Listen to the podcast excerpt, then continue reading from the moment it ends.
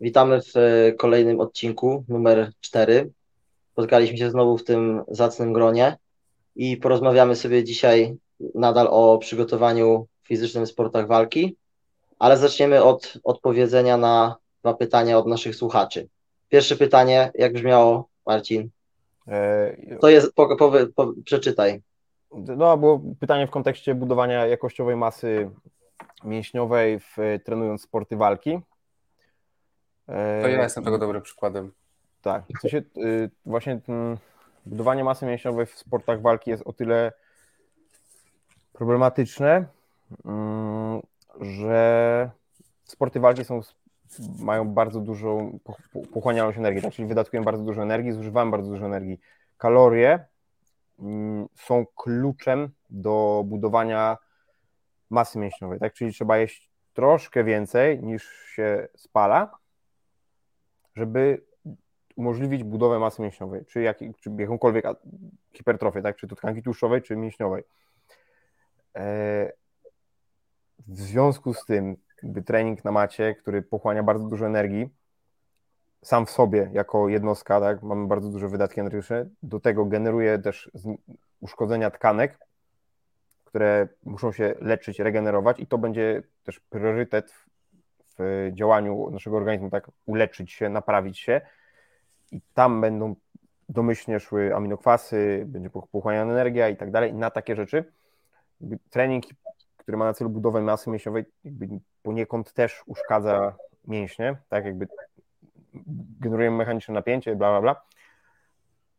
I jakby hipertrofia jest możliwa przy dowolnym bodźcu, tak jakby jak ktoś wam powie, jak ktokolwiek wam mówi, że nie wiem, że biceps można zbudować tylko i wyłącznie robiąc ugięcia łokcia, no to jakby to jest najprostsza forma, tak? Wykonujemy konkretnie funkcję konkretnym mięśniem, ale można robić rzeczy, które się lubi, które są fajne, które są nie są typowym treningiem kulturystycznym i też budować masę mięśniową. Czy od martwego ciągu też rośnie biceps? Nie bezpośrednio, ale no mam jakby ciężko w martwym ciągu ciężko powiedzieć, który mięsień nie, jakby nie, nie dostaje jakiegoś bodźca. Co, oczywiście jakby nie jest to wystarczający bodziec do takiego kosmicznego przyrostu, ale no, biceps jest, na przykład tej, jest rozciągnięty, zaciskamy pięść, on się też mimo wszystko trochę napina, kontrolujemy sztangę, ramiona są w tym kurczu izometrycznym, mniej lub bardziej. Wiadomo, to nie jest taki bodziec, że od tego będzie rosła łapa, ale jest napięty, tak? W sensie jakby martwy ciąg jest w kategorii raczej ćwiczeń dla całego ciała. No, generalnie jest napięcie od czubka głowy po pięty, inaczej się nie da.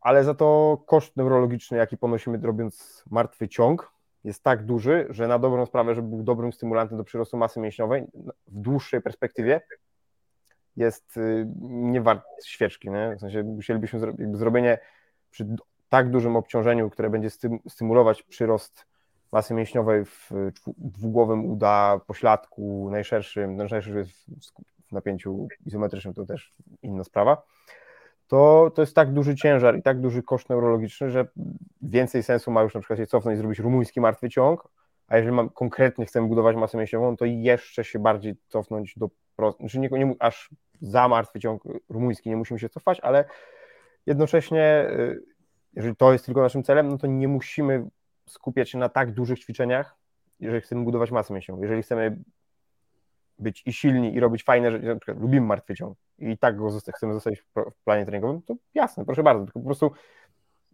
nie będzie to najlepsza opcja, najlepszy wybór w kontekście budowania masy mięśniowej.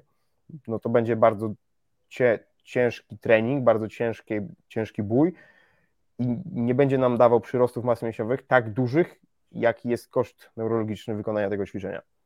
Co będzie dawało w takim razie, jak tam było pytanie, no to jaki trening by miałby największy sens i jak to zrobić, bo też y, potem, też, też po tym, co mówisz, to mi się wydaje, że trzeba w takim okresie troszeczkę tą objętość treningową chyba zminimalizować, w sensie nie robić aż tyle jednostek, bo musisz się chyba dłużej regener- więcej jakby regenerować, nie, po tych no, no siłowych jednostkach, czy tak? Budowanie masy mięśniowej w kontekście sportów walki, no to jest rzadko spotykany problem, nie? Jakby takie patyczaki jak Bartek tylko muszą takie rzeczy robić. W większości wymiarowi ludzie nie dążą do tego, żeby dołożyć więcej masy mięśniowej jako takiej y, w sportach walki. Jeżeli sporty walki są jakby dodatkiem, czy tam po prostu formą hobby i jednocześnie chce się budować masę mięśniową, no to trzeba się liczyć z tym, że wydatki energetyczne będą duże, więc trzeba będzie jeść bardzo dużo, a dużo ludzi ma z tym problem. A trening, który mam na celu budować, dawać bodźce do adaptacji hipertroficznych, no musi być priorytetowy, jeżeli chcemy budować masę mięśniową. Mm, więc ilość jednostek sportów walki albo musi pozostać taka sama, ale z mniejszą intensywnością, albo mniej tych jednostek, a trening hipertroficzny, czy tam taki, który ma stymulować przyrost masy mięśniowej, no musi być w większym priorytecie, tak? Czyli jego musimy robić więcej, albo z większą intensywnością, albo w okolicach tego treningu na przykład jeść więcej, jego, jego ustalać jako priorytet, a jeżeli nie zależy na tym, żeby teraz budować masę mięśniową i trenować przy okazji i potem już nieważne, tylko jakby konsekwentnie chcę budować masę mięśniową, no to dowolny trening, który będzie spełniał zasadę progresywnego przeciążania w czasie, cały czas, coraz ciężej, coraz ciężej, coraz ciężej, będzie stymulował przyrost masy mięśniowej, a trening sportu walki będzie treningiem sportu walki i już, i będzie wydatkiem. Ciężko jest też, no tam też pytanie chyba dotyczyło objętości treningowej, ile tam tych, i, i jaka objętość treningowa musi być. Jakby podstawowy problem z objętością treningową w przypadku sportu walki jest taki, że nie da się wyliczyć i określić, ile, jaką objętość już zrobiłeś na biceps, na sportach walki, żeby określić, ile musisz zrobić serii na treningu siłowym. To jest po pierwsze, a po drugie większość ludzi, którzy ma problem z tym, żeby zrobić jakby martwi się o to, czy robią za mało, prawdopodobnie nie robią za mało, tylko robią za lekko. Ich objętość jest, y, to jest taka y, objętość śmieciowa, czyli robią powtórzenia, które nic nie wnoszą, oprócz tego, że ich męczą. Mm. E, więc te, od jakiegoś czasu, ileś lat temu już wyszły badania tam określające, badania czy whatever, ile tam tych serii skutecznych trzeba zrobić, na, żeby przyrost był taki z raki owaki. Najczęściej ludzie nie wykorzystują minimum serii, które mogą zrobić, czyli w większości przypadków, jeżeli ktoś by zrobił dwie, trzy serie naprawdę sensowne, to przyniesie większą korzyść, niż jak będzie rozkminiał, czy zrobić cztery, pięć czy sześć, jak rozdzielić trening. Po prostu bardzo często ta objętość, którą robią, jest gówniana i nic nie wnosi, tylko się męczą i nie mają przyrostów.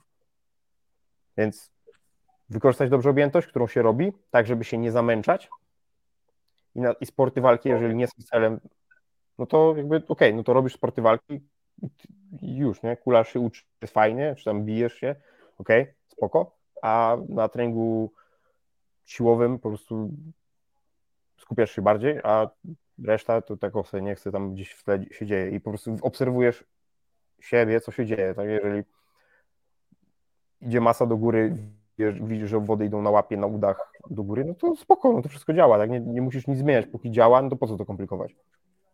Mi się wydaje też, że nie zawsze jest, e, wiadomo, nie jakby nie znamy dokładnie, dlaczego ta osoba chce tak zrobić, ale mi się wydaje, że często, mówię, że tak jak mówisz w przypadku ludzi o takiej budowie jak Bartek, ale dla większości często iść kategorię gdzieś tam wyżej, doładowywać, wiesz, tych mięśni, to często nie jest korzystne na przykład. Tak jak też gdzieś tam widziałem na przykład na UFC, gdzieś tam na wyższym poziomie ludzie, jak przechodzili gdzieś tam kategorię, chyba, że to byli ludzie, którzy się katowali strasznie zbijaniem wagi, nie? Ale gdzieś takie, wiesz, dodatkowe pakowanie mięśni raczej rzadko się odbijało na ludziach dobrze, nie? Myślę, mi się wydaje, że to jest bardzo długi proces, bo to, że urośniesz, to jedno, a dwa, żeby potem, żebyś był potem zaadaptowany do wysiłku takie, taki sam sposób, jak byłeś ważąc mniej, nie? Dobrze to rozumiem?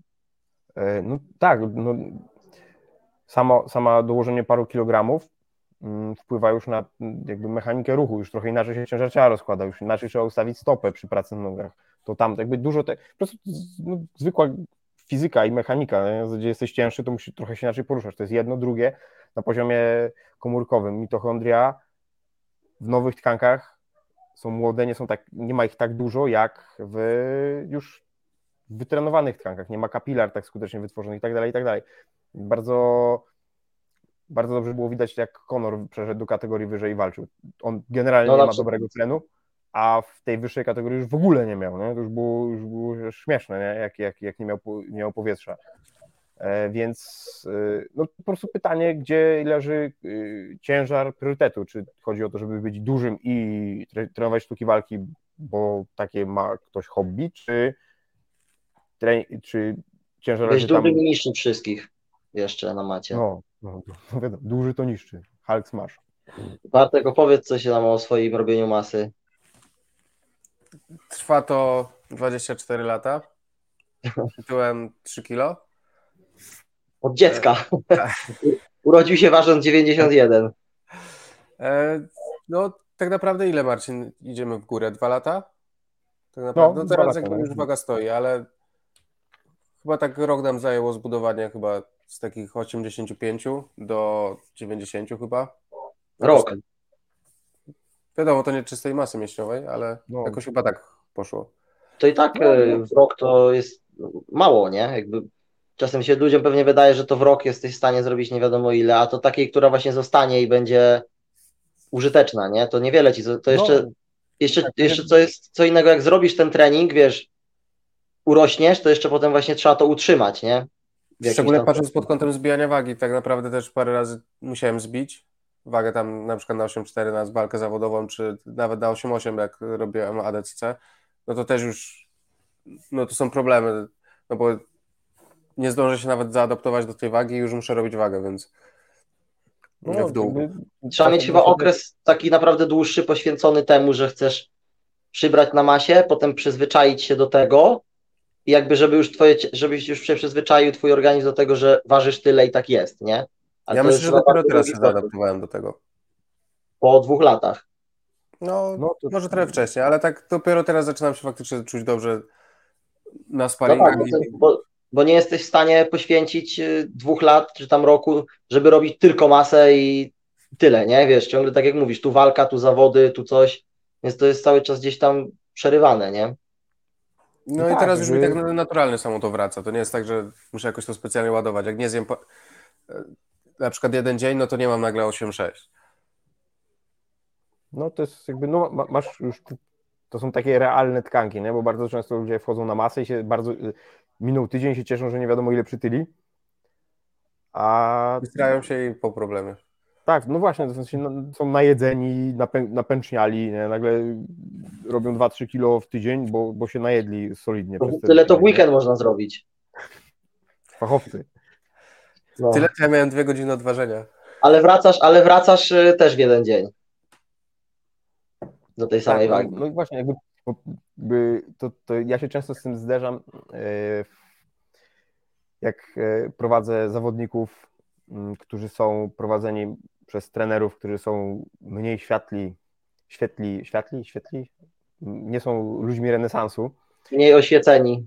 Tak, i, myśl, i, my, i uważają, że y, trening dla sportowców walki to jest, to jest tylko musisz skakać, rzucać, podnosić szybko, bo jak podnosisz powoli i ciężkie rzeczy, to już nie, i no, wszystko sport specyfiki i tak dalej, i tak dalej.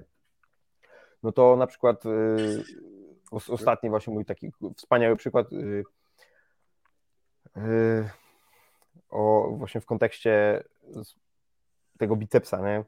Jakby wszyscy mieliście obaj w, w, planach treningowych robienie łapy, nie? No było. No i... To chyba i na tych amerykańskich krowach. Tak. I, I jakby trening bicepsa, tak naprawdę, jakby możemy to rozdzielić na różne warstwy, nie? Po pierwsze, yy, budujemy wytrzymałość mięśniową, to jest A. B. Przepracowujemy ruch, który generalnie w nie jest przepracowany solidnie nigdy, bo zawsze, jeżeli jest używany łokieć, to jest w sposób dynamiczny, więc prze, budujemy inne obciążenia dla tego łokcia, tolerancję dla tych innych obciążeń oraz trening bicepsa to jest tre element treningu zdrowego i prewencyjnego dla barku, bo głowa długa bicepsa jest przypięta do łopatki, tak, i tak dalej, więc to jest prewencja kontuzji barku. Więc robienie bicepsa nie jest treningiem łapy, żeby zawodnicy byli kulturystami, mieli dojebane łapy, tylko to jest wszystkie te aspekty, o których mówiłem, jeszcze kilka, o których nie mówiłem, Trzymanie botyloka przez 10 minut. Dokładnie. I do tego i do tego budowanie masy mięśniowej jest dużo, dużo, dużo trudniejsze niż większości y, trenerów y, nierenesansu się wydaje. Bo to nie jest tak, że zrobisz więcej niż pięć powtórzeń i nagle twoja łapa rośnie. Nie? To trzeba się bardzo, bardzo, bardzo postarać. I to jest jakby trening na masie, to jest bardzo ciężki trening. Jakby prawda jest taka, że trenowanie w RP 8-9 czy tam RIR 1-2 to nie jest kaszka z mleczkiem. To nie jest tak, że o, i każdy to zrobi. To jest ciężka orka. I założenie, że zrobi się parę, paręnaście powtórzeń w tych zakresach kulturystycznych, to łapa będzie rosła, no to jest, jest absolutną bzdurą. I, większość tego nie zrobi. Większość tego, w sensie większość, jakby jak się posłuchają, to zrobią, tylko nie urośnie od tego, nie? Jakby budow- to, co mówiłem na początku, budowanie masy mięśniowej wymaga dodatkowej energii, a większość sportowców walki bardzo rzadko jest w surplusie kalorycznym, a jeżeli jest, to przez na przykład miesiąc. I, no i co? No i, i, i tyle, nie? Jakby, jakby nie, nie będzie to jakby, to jest za krótki okres, żeby zbudować masę mięśniową, taką dużą, jaką solidną, a cały proces treningowy właśnie przy wyższych zakresach powtórzeń może mieć na celu inne rzeczy niż hipertrofia oraz adaptacje na przykład dla zawodników, które powinno się przeprowadzić w off-seasonie, typu genowych i tak dalej, wpływają na to, że zawodnicy rzeczywiście może przy, przybiorą na wadze, ale to nie, jest, to nie są zbudowane nowe mięśnie, tylko to jest po prostu możliwość magazynowania większej ilości energii. No. Więc jeżeli potem mają robić wagę, no to po prostu mogą się pozbyć tych zasobów energetycznych, czyli wypłukiwania glikogenu. I tyle. I, no ja przecież, żeby w ogóle teraz utrzymać przez jakiś okres tę wagę, musiałem mieć 5000 kalorii, chyba z tego co kojarzę, nie? Teraz mam piątkę, tak po prostu na no. utrzymanie. To no przy budowaniu to jest bardzo dużo. No, jak wchodzą sparingi, wchodzi więcej, więcej pracy E, po prostu objętości, więcej treningu, to tej, tej, tej energii trzeba jeść więcej, więcej, więcej, więcej, nie? Jak się waży pod 90 kg czy 100, no to, no to jest kupa energii, nie? No, kupa pieniędzy na jedzenie. No, ryż jest tani. I ten chleb tostowy. Kurwa, ja tu mam świetną dietę. Pochwal się, co jesz na masę w Ameryce. Ogólnie to, żeby oszczędzić trochę na jedzeniu i móc sobie na przykład iść na do jakiejś restauracji, no, żeby popróbować jakiegoś lepszego jedzenia, a nie tylko e, sklepowego, bo bardzo źle gotuję. Chlebów tostowych i keczupów. Tak, to na śniadanie jem jajka z chlebem tostowym, no bo chleb tostowy jest tu najtańszy. Później gotuję sobie makaron, więc trochę bardziej premium. Z chlebem tostowym. Z jajkami. Z jajkami, dobra. Ale nauczyłem się now nowej rzeczy. Nauczyłem się robić te jajka po belgijsku. To ja jestem normalnie. Jak? Jak Co? się to robi? To jest jajka w koszulkach, chyba to jest to samo. Y. Kurwa, no dla mnie to, dla mnie to jest odkrycie i to okay. jest chyba mój pik, jeśli chodzi o umiejętności e, kucharskie. Podróże kształcą.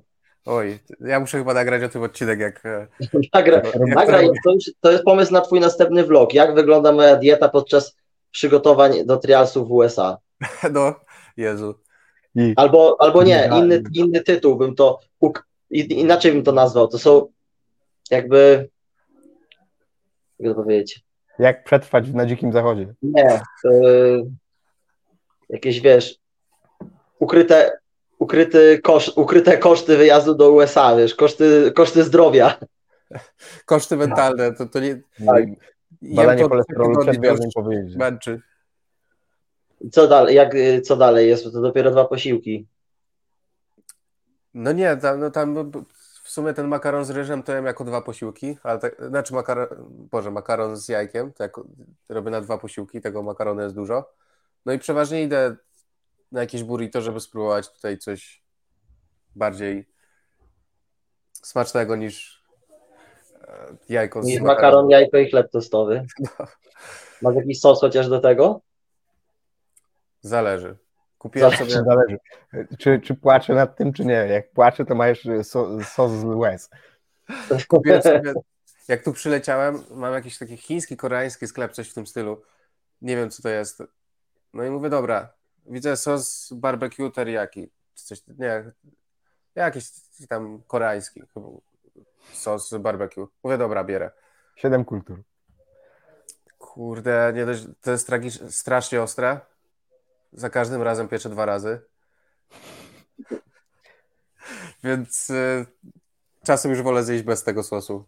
Tam trzeba uważać z tymi meksykańskimi sosami, bo też pieką dwa razy, albo nawet i trzy czasami. No, po, po jednym takosie to ledwo dojechałem na chatę.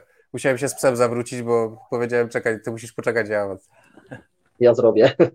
Ja idę pierwszy. No, to już wiecie, jak może wyglądać e, dieta na masę na budżet. No. W każdym kraju świata. Wszędzie da się zrobić budżetowo. No to te, te produkty, które powiedziałeś, to są wszędzie akurat dostępne. za, te same, za te same mniej więcej pieniądze. Jakie było pytanie numer dwa? Pytanie numer dwa dotyczyło, ono się łączyło z tym, co mieliśmy generalnie dzisiaj mówić, czyli o tym, jak planować rozkład jednostek w tygodniu, jak, co, co kiedy robić, co priorytetyzować. I pytanie precyzyjnie, dokładnie dotyczyło przykładowego y, fana naszego podcastu, który może być dwa razy w tygodniu na macie i chce robić oprócz tego coś tam na siłce, co będzie coś wnosić do jego treningu na macie. Eee... Zależy co chce, myślę, że zależy co chce poprawić, nie? Też. Tak, no to, to jakby, dokładnie to jakby ustalenie celu i tego, co jest nie domaga u niego, nie? I to jakby to jest, to jest, to jest zasada, która jest przydatna na każdym poziomie, nie? że mamy zawodnika, który jest ewidentnie amatorem, trenujący dwa razy w tygodniu, no to musi stwierdzić, czy brakuje mu siły, czy brakuje mu kondycji, czy brakuje mu wiem, mobilności, czy brakuje mu nie, czegokolwiek. Jakby stwierdzenie, co jest problemem i potem rozwiązanie tego problemu, czyli nie wiem, jestem słaby fizycznie. Okej, okay, trening siłowy. Tak, budujemy siłę. Zbudował trochę siły. Jeżeli dalej jakby, jakby sytuacja wygląda tak, jak wygląda i coś chce znowu poprawić, no to znowu musi stwierdzić, co mu nie domaga na treningu na macie, nie? Czyli nie wiem, chwyt mu puszcza, czy teraz cardio, czy płuco, czy nie wiem, bolą go łapy przy, przy, nie wiem, przy treningu, czy to, czy tamto, czy sramto. I po prostu znajdujemy te rzeczy i wrzucamy je w trening i trenujemy, pracujemy nad tymi rzeczami, które są mm, na ten moment ważne. I przy tak małej ilości jednostek to będzie trwać. Jakby, I trzeba wygenerować odpowiednią ilość bodźca, żeby ciało się zaadaptowało. No Więc trenując dwa razy w tygodniu na macie, to obstawiam, że pewnie jest jedna albo dwie jednostki takie poświęcone na motorykę jaką, jakąś. Więc y, no, trzeba poświęcić temu dość czasu. Są pewne są badania, które mogą powiedzieć ci, ile potrzebujesz czasu, żeby zaadaptować się do tego konkretnego, do tego konkretnego bodźca a są po prostu rzeczy, które widzisz na macie albo widzisz na siłowni. Nie? Robisz przysiad i robisz z pustą sztangą, a za 4 tygodnie robisz 80 kilo, no to zrobisz progres, to widać, nie? Więc nie potrzebujesz jakichś specjalnych badań, po prostu konsekwentnie robisz, robisz, robisz, robisz. Eee, I właśnie w ramach tego pytania było też, e, że robi kompleksy na ketlach i że bieganie, i stwierdził, bardzo, bardzo mnie cieszy, że bieganie nie jest najlepszą formą budowania kondycji pod sporty walki. E, Bardzo mądrze. Tak, bieganie nie jest najlepszą formą mm, robienia kondycji po sporty walki, bo, no bo nie jest, jakby jest, są inne metody, i które są skuteczniejsze, które ja preferuję. Crossfit. Nie jest metoda kompletnie zła. Tak, na Chyba nie słyszał. E, nie, bieganie nie jest metodą kompletnie złą, ale jest zdecydowanie Mm, moim, w mojej opinii mniej wydajna, mniej skuteczna, mniej sensowna, mniej przydatna niż choćby airbike, czy skierk, czy ergometr, czy jakieś inne urządzenie, które nie wymaga biegania, czy tam poruszania się w przestrzeni, może w miejscu. To czy robienie po prostu rund nawet. Jeszcze raz? Czy nawet robienie po prostu rund. Tak, no to, to, też, to też właśnie zależy od poziomu zaawansowania tej osoby, która chce nad czymś pracować. Nie? Jakby w którymś momencie mamy tak wysoką ekonomię, że robienie rund nie będzie nam dawać takich benefitów kondycyjnych, jak robienie treningu kondycyjnego. Nie? Trzeba precyzyjnie zaatakować i dać bardzo silny bodziec do adaptacji, bo inaczej nic się nie zmieni. Nie? Eee, I co i kompleksy na ketlach to jest kolejna rzecz, która się powtarza w świecie fighterskim non-stop. Wszystko musi być wytrzymałością. Wszystko. Czyli jakie są to kompleksy na ketlach, czyli co na przykład? No to na przykład, nie wiem, powiedzmy masz ileś ćwiczeń, masz, bierzesz ketla i robisz na przykład 10 yy, swingów, potem robisz 10 martwych ciągów, yy, tych rumuńskich martwych ciągów, potem robisz 10 zarzutów, czyli, potem robisz... Yy, wod, czyli wod crossfitowy. Tak, hatfu. e, Doszliśmy to, do tego w końcu. Tak. E, no, oczywiście, oczywiście, jeżeli diagnozujesz swój problem, że akurat to jest to, co musisz, nad czym musisz pracować, no to okej, okay, to kompleksy nie są złe jeżeli są dobrze zaprogramowane i wsadzone w plan treningowy, użyte w odpowiednim momencie dla odpowiedniego zawodnika i tak dalej, no to jakby jasne, to jest jak trening jak każdy inny. E, tylko nie rozumiem, dlaczego to jest domyślny kierunek zawodników sportów walki, amatorów, zawodowców. Muszę robić wytrzymałość i muszę robić ją na ketlach, gdzie ketle to też jest fenomenalne, bo z jakiegoś powodu ketle y, szturmem wzięły sporty walki. No nie wiem, czy zauważyliście, ale ketle są tym czymś, co zawodnicy sportu walki y, czego użyją, a nie, ale sztanga, fe, od sztangi będę sztywny i wolny, a od ketli będę szybki i dynamiczny. Skąd no, się to działo? Wydaje mi się, że to jest po prostu trochę łatwiej jest wyzwolić taki szybszy ruch na tym ketlu i łatwiej jest to zrobić dynamicznie. Jakby ktoś myśli, że jeżeli podniesie sztangę wolno, wolno, tak jak mówiłeś, no to nie będzie robił dynamiki, a jak mimo wszystko tego swinga jest dużo łatwiej zrobić dynamicznie niż e, powiedzmy martwy ciąg tam mając 150 czy 180 kg na e, sztandze. No to fakt, tylko jak zrobisz jakby ja w pełni się z tym zgadzam, to tylko robienie na przykład martwych ciągów ketlami, które ważą po 80 kg każdy, nie wiem, czy takie są, chyba są. To też nie będzie zbyt szybkie, nie? Tak, ja, ale ja... większość, osób ma małe te ketle tak naprawdę. No tak, moim, zdaniem to jest, moim zdaniem to jest wina crossfitu, ale tak, tak serio mówię. No rozwij myśl, żeby nie Że było, nie? po prostu, wiesz, w momencie, kiedy się crossfit zrobi mocno popularny, no to tam korzystają dużo z tych ket, przynajmniej tak z mojej perspektywy, no tam dużo się tak. korzysta z tych ketli, no i tak przez ten crossfit y, te ketle zostały tak mocno spopularyzowane, mi się wydaje. Z tego co no. wiem, to już gdzieś tam było, że tam powiedzmy zapaśniczy, zapaśnicy czy jacyś tam sportowcy gdzieś wiesz w Rosji w jakichś tam latach nie tak, wiem, bo generalnie tak, używali, używali dużo tych ketli, co? Chyba ketle generalnie powstały. Tak, chyba w ogóle tam jakby zaczęli je używać gdzieś tam w armii czy coś takiego, nie? Tak, ketle, powsta- ketle w ogóle ketle swoją historię mają taką, to były, ketle są odważniki, których używano w Rosji do tam ważenia czegoś tam i one generalnie ketle takie oldschoolowe i takie prawilne mają, e, są podzielone według e, pudów. Nie? To jest jakby pud, to jest jeden pud to jest chyba 16 kg i kiedyś, kiedyś nie, nie, nie dało się kupić ketla, który ważył 18 kg, tylko były pudo, był, był pół puda, czyli było 16, 8 i potem już były tylko dwa pudy, nie? czyli był 16 i 32 chyba, jakoś tak. To jakby nie, proszę mnie... 24 chyba jeszcze, nie? To takie te... Tak, tak, w sensie one, one były właśnie, no co, co pupuda, czy co płód, nie? Przez, kiedyś, kiedyś zanim były, zrobiły się takie popularne i modne i fajne, było ich po prostu bardzo mało, no i nie były takie eleganckie, kolorowe, tylko no, te żeliwne, brzydkie. Ale głównie, głównie ketle, jak ja pamiętam, gdzieś tam, wiesz, pierwsza styczność z tym, to zawsze było 8, 16, 24, 32, nie? To no, były takie tery najczęstsze, rzadko się widzi, widziało inne. Teraz to już są praktycznie w większości kilogramów, tak jak i hantle, nie?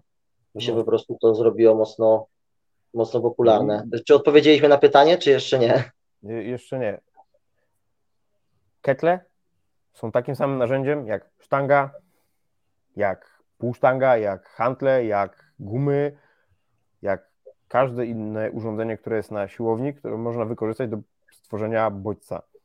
Tylko trzeba wiedzieć jak jeszcze. Dokładnie. I, I, to jest wszystko. Jakby nie ma, żadno, żadno z tych narzędzi nie ma przewagi nad drugim.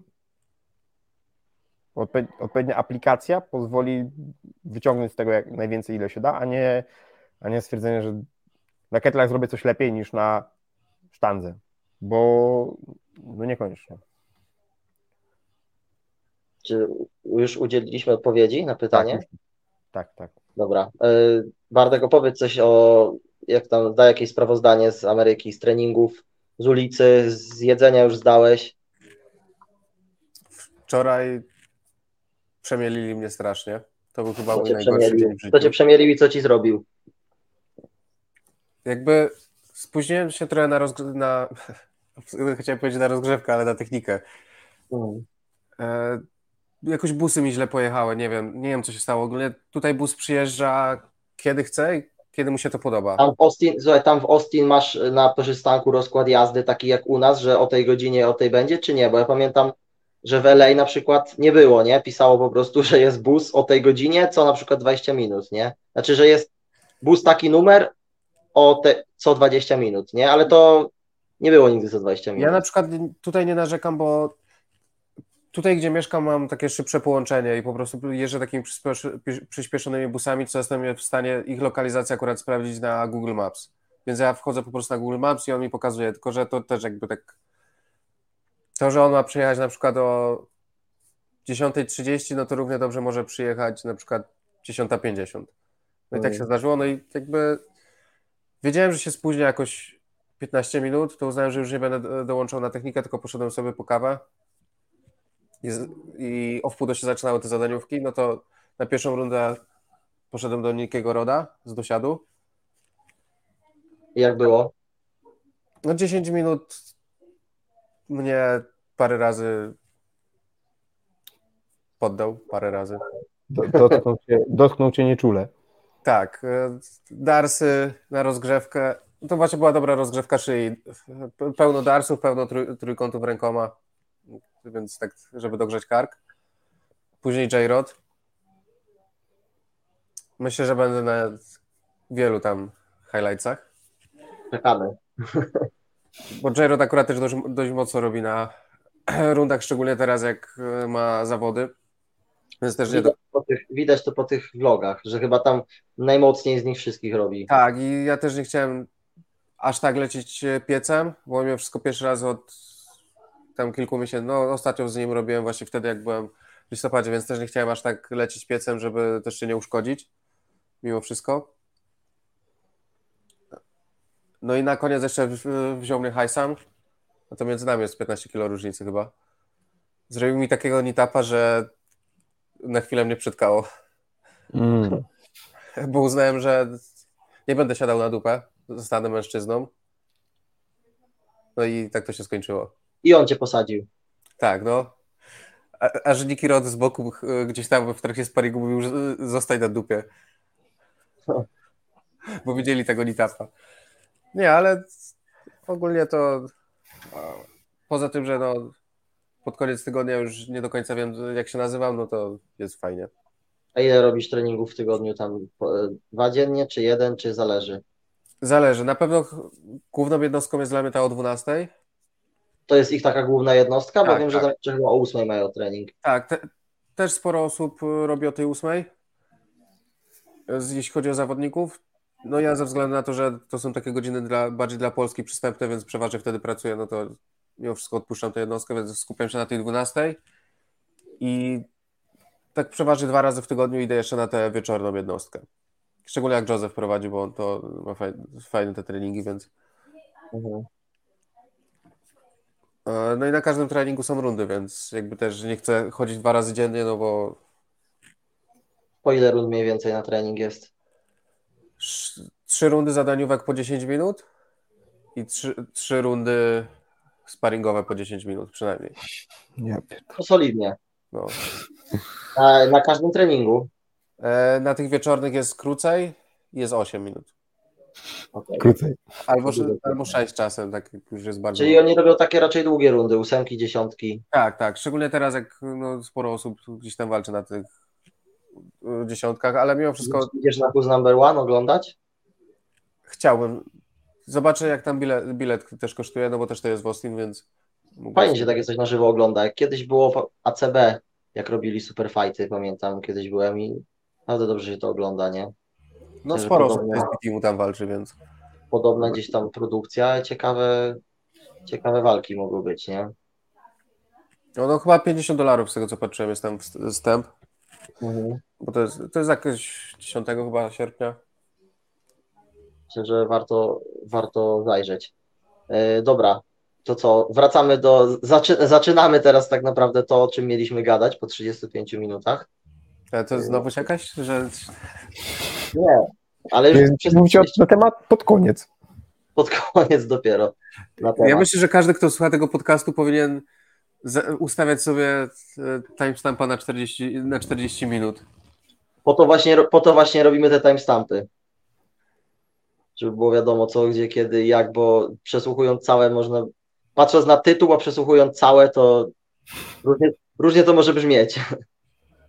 No to mieliśmy jeszcze pogadać na przykład o rozkładaniu intensywności. Ostatnio tam mówiliśmy o tym przygotowaniu fizycznym, że jest ważne i tak dalej. I teraz rozkładanie intensywności, jakby biorąc pod uwagę też e, oczywiście jednostki sportów walki plus przygotowanie fizyczne, czyli ile na przykład to jest, wiadomo, to pewnie zależy, ale tak średnio, optymalnie, ile, ile jednostek przygotowania fizycznego w tygodniu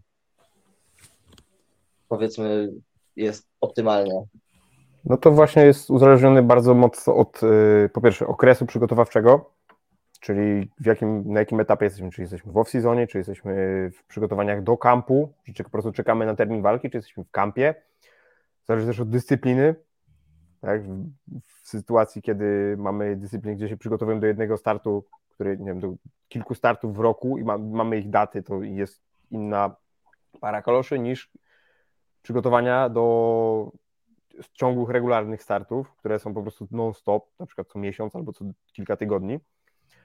Eee, dyscyplina, hmm. eee, cel, jakby tak jak mamy na przykład Bartka, który ma, musi już musi, robimy z nim masę do góry, no to e, u niego ciężar przygotowań będzie odrobinę przesunięty w stronę właśnie treningu siłowego, żeby mógł budować tą masę mięśniową. Więc jeżeli mamy zawodnika, który ma na przykład duże braki i to po prostu wykazują kolejne, kolejne walki czy sparingi w, właśnie w jego fizyczności, w atrybutach atletycznych, czy jest kwestia kondycji, czy to jest kwestia siły, mocy, cokolwiek, to tam jakby przenosicie ten ciężar, więc ilość jednostek będzie uzależniona od wielu czynników, też od poziomu zaawansowania. Amator może robić inną ilość, a zawodowiec inną. I to jest, to jest bardzo zmienne. To też, też ostatnio miałem jakieś pytanie na Q&A na Instagramie właśnie, ile jednostek optymalnie robić. No jakby nie ta nie da się wybrać jakby jednej stałej ilości jednostek, bo te, ta ilość jednostek powinna się zmieniać w zależności od tego, co, kiedy robimy, jak, po co, dlaczego, kogo to dotyczy. I to nawet przy jednej osobie, jakby nawet wiemy kogo, tylko ta ilość jednostek może się zmieniać w zależności od ciężaru przygotowań, gdzie właśnie chcemy włożyć tą naszą intensywność, to nasze możliwości treningowe najbardziej, tak? Czyli jeżeli mamy, końców, mamy końcówkę kampu, no to wiadomo, że wszystko już będzie w kierunku sport specific, czyli nawet trening kondycyjny będzie wykonywany raczej w formie sport specific, czyli to będą zadaniówki, to będą sparingi, a nie trening na airbike'u już wtedy, nie? Więc na przykład jednostka, która ma być, ma być obciążająca na airbike'u, no to to należałoby zrobić już na macie, to już należałoby zrobić w sposób bardziej techniczny, ale na przykład w przypadku, kiedy mamy off-season, to absolutnie nie ma sensu. Nie? To jest po prostu zużywanie materiału, jakim jest ludzkie ciało, na, na, po, tylko po to, żeby robić kondycję. No, no nie, można to zrobić wtedy w airbike'u, bazowy poziom, czy tam niespecyficzną, czy tam fizjologicznie specyficzną, a niespecyficzną ruchowo. E, więc ilość jednostek może się wahać od jednej, dwóch w tygodniu do czterech, pięciu. Tak, nie, nie możemy zapomnieć o tym, że trzeba też wykonywać trening specjalistyczny, sportowy, tak, sport swój, trenować. Na jednej jednostce w tygodniu jesteś w stanie coś zbudować, coś poprawić? Chyba niewiele, tak, nie? Oczywiście, w sensie tak, tylko to no właśnie... Zależy u kogo też chyba. Właśnie, to zależy na jakim... W jakim okresie, nie? Tak, zależy o kim mówimy, zależy jaki to jest poziom sportowienia, zależy co chcemy zrobić. E, bo nawet ta jedna jednostka w tygodniu będzie coś wnosić, po prostu okres takiej widocznej adaptacji, widocznych zmian, takich, że jest o kurde, jestem silniejszy albo cokolwiek innego, po prostu będzie odsunięty w czasie, zdecydowanie bardziej niż kiedy byśmy stymulowali ten, tą adaptację częściej. E, więc kwestia ilości jednostek jest indywidualna, w zależności też od, zwyczajnie w świecie, od grafiku e, zawodnika pro czy amatora, e, bo no nie, nie ma za dużo zawodników, którzy nie robią nic innego, tylko trenują. Nie? Więc, więc ich grafik też będzie wpływał na to, ile jednostek jakich można robić. Te wszystkie czynniki trzeba uwzględnić i znowu wybrać cele, wybrać priorytety, bla, bla, bla, bla, bla no i je ustawiać i na bieżąco zmieniać i dopasowywać do tego, co się aktualnie dzieje i obserwować. No i to jakby nie ma optymalnej ilości jednostek w przypadku treningu motorycznego, bo robimy tyle, ile się da, nie odbierając treningu technicznego. Jak to, jak to wplatać, powiedzmy, w, pomiędzy treningi i sportu walki? Na zasadzie, jakie przerwy pomiędzy, wiesz, tym a tym treningiem, jakiego treningu, jakim treningiem, nie wiem, nie poprzedzać sesji sparingowej, jakim treningiem nie poprzedzać, albo poprzedzać sesję sparingową, albo techniczną i tak dalej. Hmm. Testosteronem. Tak, ten, tak. Trzeba poprzedzać Można Wszystko poprzedzać. E, generalnie, jeżeli ma, możemy ustalić w, w dwójnasób możemy tego podejść, tak? Czyli możemy albo wszystkie ciężkie jednostki, że wszystkie, jakby powiedzmy w poniedziałek mamy, jesteśmy zregenerowani, jesteśmy gotowi, mamy to, to jest dzień, kiedy możemy trenować bardzo ciężko, więc w poniedziałek na przykład możemy wrzucić wszystkie ciężkie jednostki i motoryczną i sparingową do jednego dnia, no bo to jest jeden dzień, kiedy jest ciężko i ma być ciężko, ale on musi być poprzedzony dniem, o, dniem wolnym albo dniem luźnym i, i po nim musi też nastąpić dzień co najmniej luźny, może średni, zależy jak, jak, jak, posz, jak na ile ciężki był rzeczywiście ten dzień ciężki.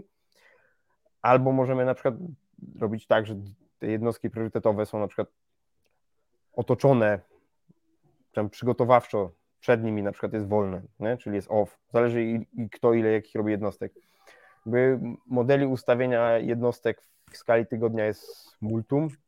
Można robić mm, na przykład mało jednostek treningowych, i, które są intensywne, bardzo, więc regeneracja będzie zachodzić pomiędzy nimi dość długo, w sensie będzie długi czas między jednostkami. Można też robić jednostki, które będą na przykład rozbite na wstawki, tak jak e, wy macie. Parę, parę rzeczy, które są niskiej intensywności i pochłaniają głównie czas, więc żeby nie, nie generować dodatkowej jednostki, która wymaga wyjazdu na siłownię, czy na trening, na matę i tak dalej, takie rozbić to wszystko, co trzeba zrobić, takie pierdoły, które są niskiej intensywności i podoklejać je po treningu. Mhm. I wtedy, wtedy jakby ta jednostka jedna się odrobinę wydłuża, ale tylko o tą niską intensywność pracy. I w efekcie wykonuje, zawodnik wykonuje dużo roboty, bo robi jakiś tam trening i do niego jest dokładka, która jest lekka, trwa krótko i w ten sposób może dołożyć jakąś tam objętość treningową bez jakichś kosmicznych kosztów regeneracyjnych, czasowych yy, czy jakichkolwiek innych. No tak, to jest często kwestia 15-20 minut po treningu, nie? Żeby tak, to, taki trening zrobić. Trzech, Prawda jest taka, że kto, kto z nas nie spędza 15-20 minut po macie na gadaniu obok. Więc w tym czasie można robić właśnie te pierdoły, które są, no, które są... Da się zamknąć w 15 minutach? No właśnie. Nie wiem, krążą legendy po ludziach, że tak można wyjść z maty. Nie, nie ja widziałem No nie, no ja też nie. Znaczy ja nigdy tak chyba nie wyszedłem szybko. Chyba, że musiałem gdzieś jechać, coś ten, ale to też było z bólem w sercu musiałem to robić. Tak, tak. Drodze, Przeważnie dzień już jest potem zepsuty. Tak. No, dokładnie. Ja mogę, ja mogę przyjść idealnie na czas, ale nie mogę wyjść na czas. Czekaj, co? Mówię, że, że mogę, ale nie, nie znaczy, że to robię, ale mogę przyjść idealnie na czas na trening, ale wyjść, jak się kończy, to już nie potrafię. Minimum pół godziny, minimum. To jest jeszcze siedzenie na macie, plus jeszcze, jak na przykład trening się kończy o powiedzmy 18. Jakbym miał sobie coś planować, to na 20 dopiero. Najwcześniej. No to wiesz, trzeba posiedzieć, kąpać tak, się, pomagać, jeść. kombinować. Tak, tak, tak. Tak, tak. To tak z dwie godziny od zakończenia treningu jeszcze trzeba sobie dać z dwie godziny przestrzeni. Tak, e, dobra. Mm, Co dalej mamy? Co mieliśmy? Mm, te- te- te- Rozkładanie- No tak, ilość, wracając do tematu, ilość jednostek jest uzależniona od celu, priorytetu, możliwości czasowych, regeneracyjnych, więc możemy albo właśnie robić po prostu jednostki całe, możemy z nich obciąć te rzeczy, które są na końcu, żeby ograniczyć czas i je podoklejać do, do innych jednostek, albo zwyczajnie po prostu potrzebujemy, chcemy zrobić więcej roboty i rozbijamy ją na wsz- wszystkie inne jednostki i do, po prostu doklejamy na końcu. E, I w ten sposób można zrobić więcej niskiej intensywności pracy, a bez na przykład rozciągania treningu siłowego, czy tam jakiejś jednej konkretnej jednostki do z 45 minut czy godziny robienia z niej półtorej, dwugodzinnej jednostki, tylko te właśnie ten ekstra czas można podoklejać do, do innych jednostek i robić te niskiej intensywności elementy po treningach mm, technicznych i tak dalej. No, to A co sądzisz o łączeniu na przykład, bo też parę razy coś takiego widziałem, treningu czy kondycyjnego, czy siłowego z treningiem sportu walki, że na przykład ktoś robi airbike i idzie na Mhm. rundę albo robi, nie wiem, jakieś ćwiczenia siłowe czy obwodowe i potem też wchodzi, e, nie wiem, też coś na bacie porobić. Myślisz, że to ma sens? Mm, To, to za, Wiesz o co mi chodzi? tak, tak, tak, jasne. Że zamiast robić stawki po treningu, to robi przed, nie? Albo, Tak, i- albo to, to jest cała jednostka tak zbudowana. A, że łączysz, że Tak, mieszasz jakby, okej, no czaję, czaję. Może na przykład, nie wiem, kontekście- robisz tam 20 swingów, y, 15 e, staczy i potem nagle idziesz y, na dwie minuty na sparring. Y, mm, Okej. W, kontek- jakby w kontekście adaptacji tego, jak, jak chcemy osiągnąć efekt, tak? Czyli chcę być szybki, to muszę się poruszać szybko i robić to coraz szybciej, albo znaczy, robić ten taki trening i dać sobie regenerację na to, żeby móc powtarzać ten, ten ruch szyb, szybki i tak dalej, i tak dalej. Jeżeli mówimy kondycji, jest dokładnie jakby ta sama zasada działa, jakby musimy przedstawić bodziec, dać sobie odpocząć i tak dalej. E, łączenie w ten sposób jakby robimy jakieś tam elementy siłowe, kondycyjne przed treningiem technicznym, czy tam sparingowym, czy jakimś tam, no troszeczkę się kłóci z adaptacjami i ustawieniem priorytetu, bo jeżeli chcesz robić zajebiste snacze, to robisz je na początku treningu, bo wtedy masz najwięcej zasobów, tak? No jakby naj, każdy z nas wie, że naj, najwięcej możemy z siebie dać na początku, tak? Jest, wkręcamy się na tempo, no i tu jest, i to jest chwila, moment, kiedy mamy najwięcej możliwości, a potem wszystko w dół, nie? Jakby kończy nam się, kończą nam się baterie, kończy nam się tlen, kończy nam się możliwość myślenia i tak dalej, i tak dalej. Więc robienie elementów, które będą wymęczać zawodnika przed treningiem, może mieć tylko jedno, jeden cel, czyli stworzenie jakby zmęczenia systemowego, żeby zawodnik trenował pod zmęczeniem na początku treningu, tak? Kiedy, ma też, kiedy coś takiego ma sens?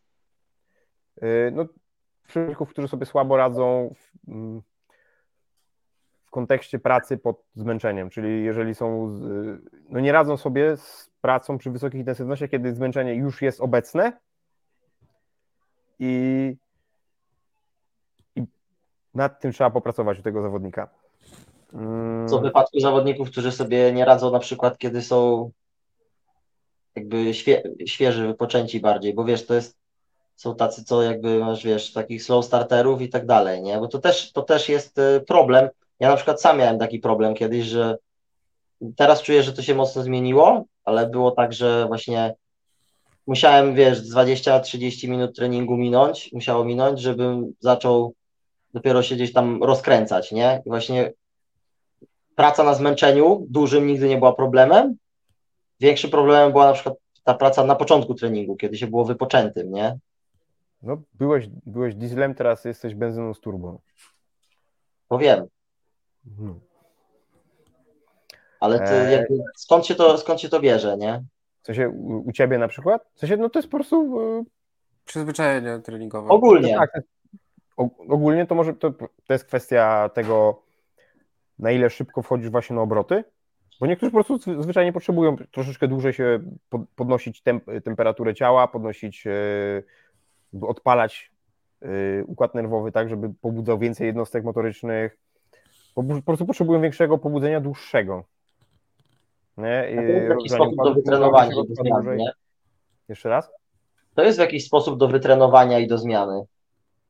No jakby, jak zaczniesz trenować tak, że od razu musisz zaczynać na wysokich obrotach, to tak zaczniesz potem startować czy trenować, nie? Jakby zmuszasz się do tego, jak każdy trening, tak? Zmuszasz się do podniesienia większego ciężaru, zmuszasz się do przebiegnięcia kilometra, zmuszasz się do kręcenia dłużej, do kręcenia mocniej na airbike'u? Jakby... Albo zmuszasz się do tego, żeby zacząć od razu intensywniej. No tak, i to, to wszystko, a i oczywiście no to, to jest też kwestia właśnie, no są właśnie zawodnicy, którzy startują od razu szybko i potem mają są zawodnicy, którzy się wkręcają i potem im dłużej się z nimi walczy, są bardziej niebezpieczni, tak? E, no to jakby, jeżeli ktoś ma takie, czy to nazwijmy, możemy nazwać tendencje, czy możemy nazwać typ, typ startu, czy e, konstrukcję mięśniową, szybkość odpalania układu nerwowego, whatever, to nie ma kompletnie znaczenia, jak to nazwiemy.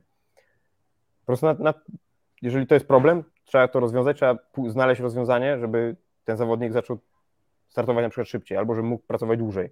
A jeżeli mamy, jeżeli to nie jest problem, to trzeba po prostu wzmocnić to jako dobrą stronę i tyle. Jakby, jakby szukanie na siłę problemu w czymś, co działa, jakby jest, no, jest bez sensu. Jakby, no, jakby trenujmy dobre strony, żeby były lepsze i wygrywajmy w ten sposób, a nie, nie, nie szukając problemów i próbując na siłę naprawiać rzeczy, które są słabą stroną, niech będą przyzwoitą i tyle. I nie ma sensu poświęcać czasu na naprawianie rzeczy, które nie będą mieć znaczenia w dłuższej mecie. No ale te słabe strony też gdzieś tam trzeba naprawiać, nie? Żeby, cię, żeby tak. wyciągnęły te twoje dobre strony wyżej no to, jeszcze. Tak, no to jest już w zasadzie to już jest akademicka dyskusja na temat tego, czy na ile trzeba im poświęcić czasu i do tego jeszcze weźmy pod uwagę, czy to jest, czy są aspekty techniczne, czy to są aspekty y, atletyczne, nie? I już, jeżeli słaba strona to jest na przykład wydolność tlenowa, która będzie ograniczyć regenerację, która będzie ograniczyć możliwości rozwoju y, adaptacji beztlenowych, bla, bla, bla, bla, bla, to oczywiście trzeba nad tym pracować, bez dyskusji. Ale jak masz zajebiste high kicki z lewej nogi, a słabe z prawej, to uważam, że lepiej poprawić, że lepiej zadbać o to, żeby high kicki z lewej nogi były jeszcze lepsze, a nie przejmować się tym, że high kicki z prawej są słabe. No tak, to, to tu jest racja, nie? Właśnie szczególnie z technikami ja to widzę, że mm, jakby któreś, niektóre techniki po prostu, nawet pomijając na to, że robisz to na lewą czy na prawą stronę, tylko leży ci na przykład to, żeby, wiesz, wiele rzeczy zrobić na przykład lewy, jak robisz to, lew, nie wiem, lewym biodrem, czy tam przechodzisz gardę, czy w taki, w taki, w taki sposób, a najlepiej ci to wychodzi lewym biodrem, to czasami jest przejście na lewą stronę, czasem na prawą. Wiesz o co chodzi?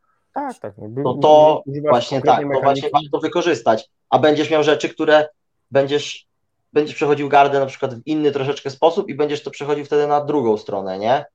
Bo to jest tak samo ostatnio jak robiliśmy tam na treningach y, trójkąty, nie? I, I tłumaczyłem właśnie ludziom, bo jest y, zawsze no jest taki podstawowy trójkąt, no to, że to zapięcie musi być jakby, wiesz, na zewnątrz ciała, nie?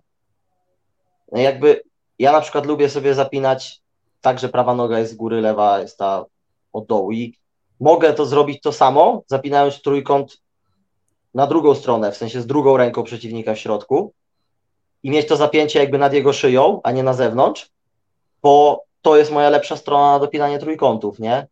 I po prostu można to dostosować dalej na, na drugą stronę. Ale jeśli to są takie jakieś fizyczne właśnie atrybuty, takie większe szczególnie, no to, to wiadomo, że trzeba to poprawić lub tak samo w, w jiu-jitsu, nie? nie wiem, masz na przykład świetną gardę, ale na przykład beznadziejnie przechodzisz, nie? No to to jest ogólnie beznadziejnie przechodzisz. No to jest na przykład duża słabość, którą musisz gdzieś tam naprawić. Takie szczegóły, tak. o których ty mówisz, że już się z... masz na przykład bardzo dobrze kopiesz, no ale masz na przykład dobrego high kicka tylko z lewej nogi, nie? No to okej, okay, no niech on będzie dobry z tej lewej nogi, a z prawej nogi będzie dobry coś innego, nie? Każdy, jak masz topowych zawodników, to zawsze to tak wygląda. Mało kto jest, albo nikt prawie nie jest tak, że na dwie strony ma wszystko super, nie? Zawsze to przeważnie te rzeczy, których się ludzie tak mega, mega dobrze specjalizują, to są przeważnie na jedną stronę, z jednej nogi, z jednej ręki lub na jedną stronę rzeczy robione. No, ciężko jest mieć te same narzędzia z obu stron. Jakby nie mam pojęcia dlaczego, ale z mojego i chyba waszego doświadczenia też wynika, że po prostu większość zawodników ma po prostu z jednej strony jedno narzędzie dobre, z drugiej drugie i ciężko jest im przenieść lewą stronę na prawą, prawą na lewą, nie? No mega ciężko. Czuć to po wielu po prostu technikach, nie? No, tak samo nawet jest, y, wiesz, na siłowni możesz to w jakiś sposób wyrównać, się wydaje, ale no gdzieś tam jedna strona będzie trochę gorsza od drugiej, tak, nie? Mam, mam, mamy po prostu dominację której ze strony, że jesteś praworęczny, zawsze będziesz robił więcej ruchów prawą ręką i w konsekwencji na przykład będzie lepiej skoordynowana niż lewa, która jest jak ręka, ręka z downem, nie? Jakby. Ale możesz, będąc praworęcznym, praworęcznym, możesz mieć rzeczy, które robisz dobrze lewą ręką na przykład. Oczywiście. Oczywiście. Raczej będzie ich dużo, dużo mniej, tak, no, no ale będą. Mała motoryka już, nie? Jakby detaliczna praca, no.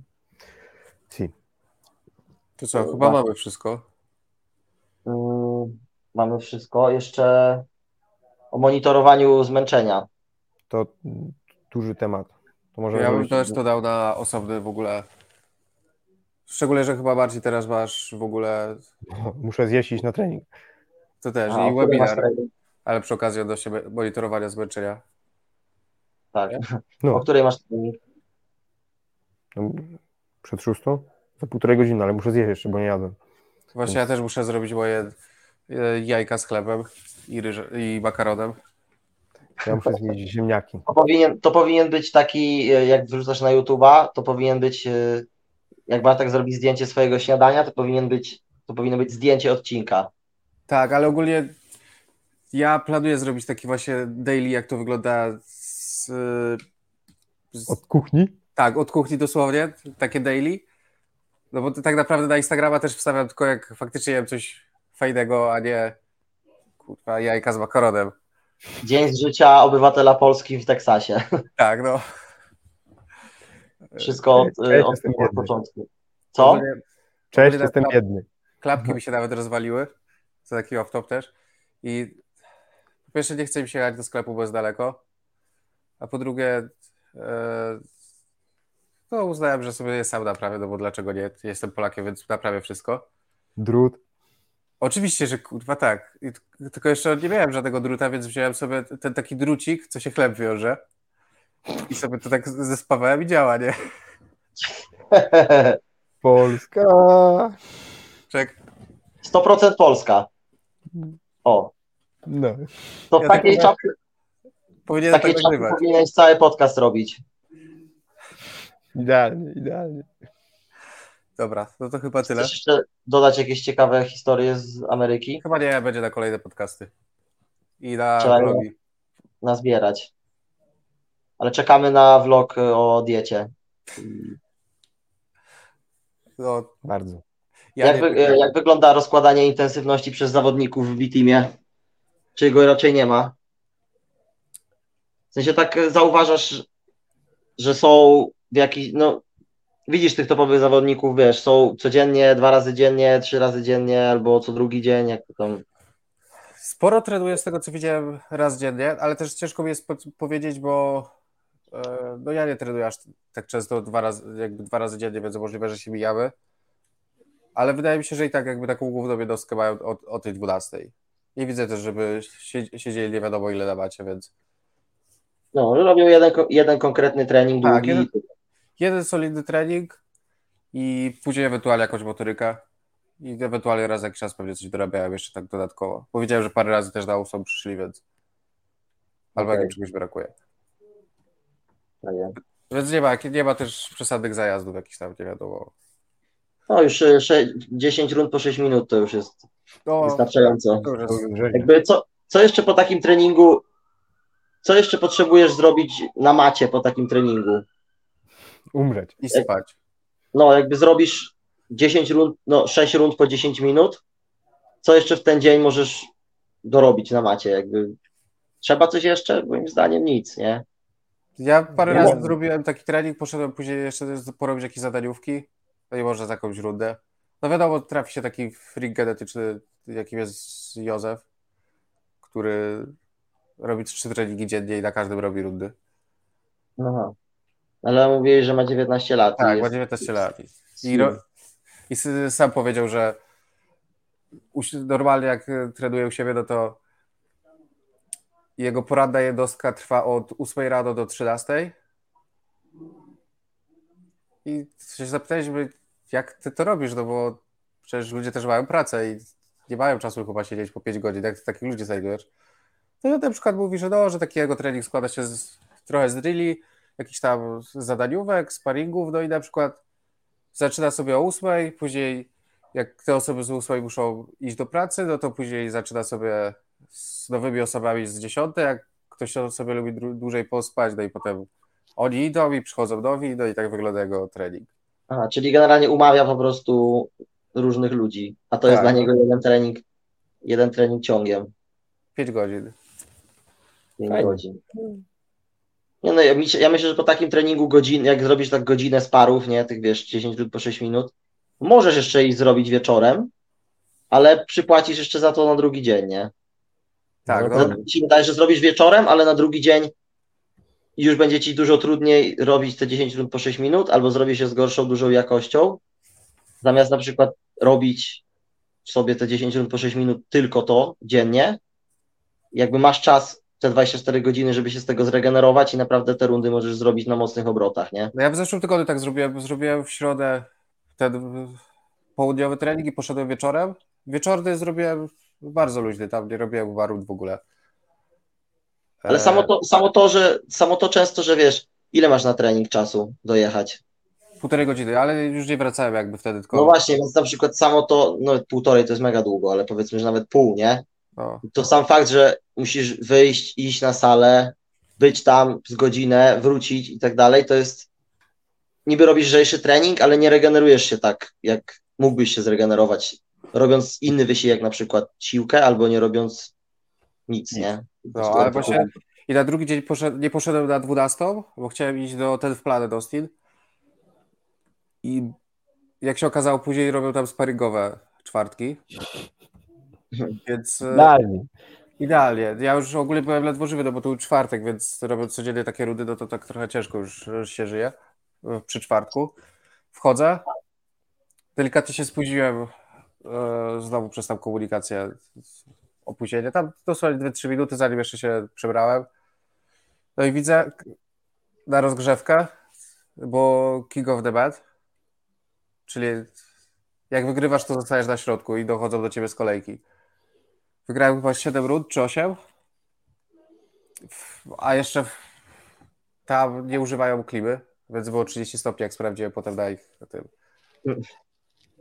Więc ja tak najpierw było, że osoba wygrywająca zaczyna z gardy, później przychodzi gardę i na końcu zapasy. To jak przegrałem jakąś tam y, rudę zapaśniczą, jak zszedłem, to byłem o krok od tego, żeby nie zemdleć tam.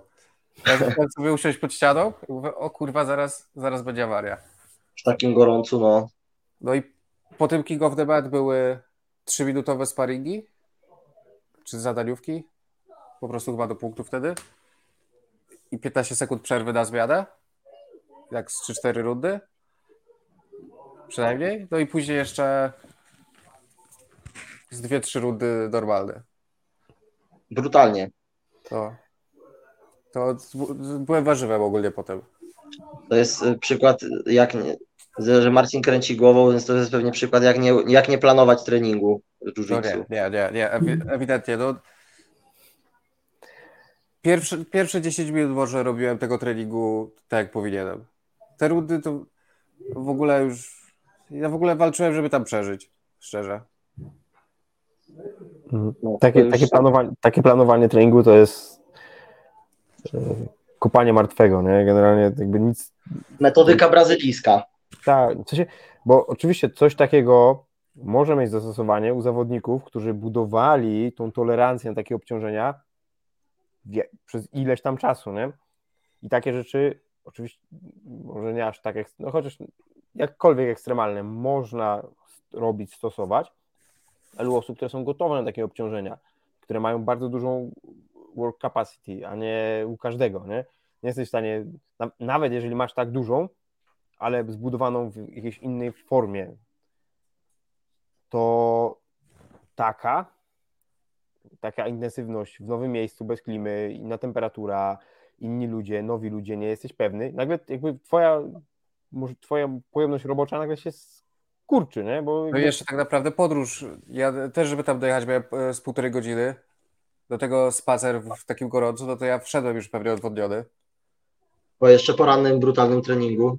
Nie, nie, rado akurat nie byłem, ale poprzednio. No dzień wcześniej. Właśnie to jest mój, tak z mojego doświadczenia też często duży problem na wyjazdach, że jak jesteś, trenujesz u siebie, masz tą swoją rutynę i swój grafik i tak dalej, to wiesz mniej więcej, jak tą intensywność już e, rozłożyć, kiedy, w, jak, po jakim, w jakim dniu się co mniej więcej spodziewać, a na wyjazdach właśnie, na wyjazdach właśnie to jest to, że szczególnie na, jak jedziesz na krótko lub nawet jak jedziesz na długo, to te pierwsze tygodnie, wiesz, idziesz tu do jakiegoś klubu, tu na taki trening, nie wiesz czego się spodziewać, nie? Plus zawsze nowy klub, nowe miejsce cię mocniej dojeżdża na początku.